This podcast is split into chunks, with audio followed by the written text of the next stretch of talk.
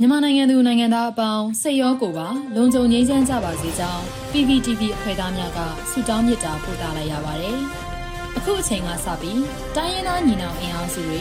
ပြည်သူ့ကာကွယ်ရေးတပ်မတော် PDF တပ်သားတွေနဲ့ပြည်သူလူထုတို့ရဲ့အရှိန်အဟုန်မြင့်လာတဲ့တိုက်ပွဲသတင်းတွေကိုစူးစီးတင်ဆက်ပေးသွားမှာဖြစ်ပါတယ်။ကျွန်မຫນွေဦးလင်းအိမ်ပါ။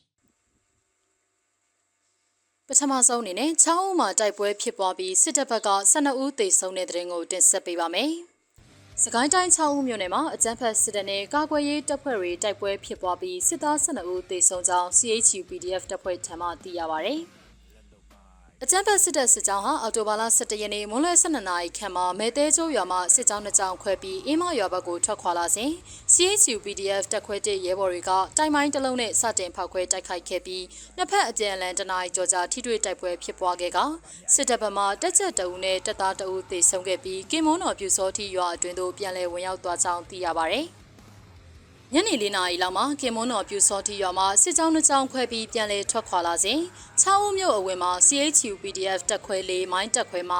မိုင်းနှလုံးနဲ့ထပ်မံဖောက်ခွဲတိုက်ခိုက်ခဲ့တာကြောင့်စစ်သား10ဦးသေဆုံးပြီး9ဦးထိခိုက်ဒဏ်ရာရရှိကြောင်းသိရပါဗျ။ကမ်ဘလူစီကုံ MEC တကြားဆက်ရှိစစ်တပ်ပစ်ခတ်ခံရပြီး2ဦးသေဆုံးတဲ့တဲ့ရင်ကိုဆက်လက်တင်ဆက်ပေးပါမယ်။ ကမ်ဘလူမြို့နယ်ရှိဇီကုန်း MEC တကြားဆက်ယုံရှိစစ်တပ်အထိုင်စခန်းကိုကာကွယ်ရေးအဖွဲ့တွေကပူးပေါင်းကဝင်ရောက်တိုက်ခိုက်ခဲ့ပြီးစစ်သား2ဦးသေဆုံးခဲ့ကြောင်းသိရပါဗျ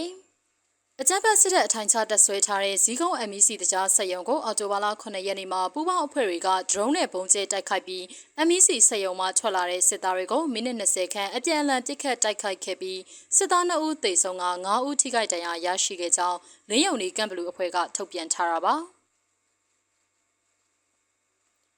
ဆက်လက်ပြီးမြိုင်မာစစ်ကောင်စီတပ်စခန်းနဲ့စစ်ကြောင်းတွေတိုက်ခိုက်ခံရပြီး၄ဦးသေဆုံးတဲ့တဲ့ရင်ကိုတင်ဆက်ပေးပါမယ်။မြိုင်မြို့နယ်အိုးပြွန်ရွာမှာထွက်ခွာလာတဲ့စစ်တပ်စစ်ကြောင်းမိုင်းဆွဲတိုက်ခိုက်ခံရပြီးစစ်သား၄ဦးသေဆုံးခဲ့ကြောင်းသိရပါဗျ။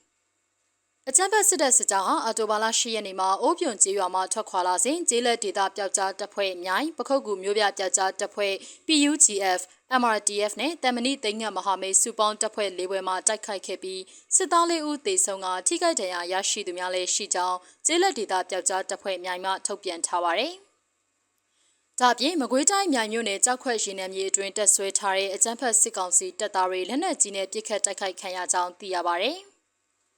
ညမြို့နယ်အနောက်ပိုင်းကြောက်ခွက်ရင်နယ်မြေဝဲတူအတွင်းရှိစစ်ကောင်စီတပ်ဆွဲထားတဲ့နေရာကိုအော်တိုဘာလ17ရက်နေ့ညနေ9:00နာရီခန့်မှာဒေသခံကာကွယ်ရေးမဟာမိတ်တပ်ဖွဲ့10ဘွဲကျော်ပူးပေါင်းပြီးစစ်မျက်နှာပြင်3ခုဖွင့်ကလက်နက်ကြီးလက်နက်ငယ်တွေနဲ့ဝိုင်းဝန်းပစ်ခတ်တိုက်ခိုက်ခဲ့ရာစစ်သားတွေထိခိုက်ဒေဆုံးမှုအခြေအနေကိုအတိမပြုနိုင်သေးဘူးလို့ဆိုပါတယ်။နောက်ဆုံးအနေနဲ့ KNU တပ်မဟာ9တွင်9ရက်အတွင်းတိုက်ပွဲများမှာစစ်ကောင်စီဗမာ19ဦးသေဆုံးတဲ့တဲ့ရင်ကိုတင်ဆက်ပေးပါမယ်။ ကရင်မျိုးသားစီယုံ KNU တပ်မဟာ9အုပ်ချုပ်နယ်မြေဖာပုံမူဒရောခရိုင်မှာအော်တိုဘာလ9ရက်မှ17ရက်နေ့အတွင်းတိုက်ပွဲများမှာစစ်ကောင်စီဗမာ19ဦးသေဆုံးကြောင်းအကြမ်းဖက်စစ်တပ်နဲ့ BGF တပ်ဖွဲ့တွေကကြေးရွာတွေအတွင်းကိုလက်နက်ကြီးနဲ့ပစ်ခတ်မှုကြောင့်ဒေသခံ3ဦးဒဏ်ရာရကြောင်း KNU မူဒရောသတင်းစင်ကထုတ်ပြန်ပါတယ်ရှင်။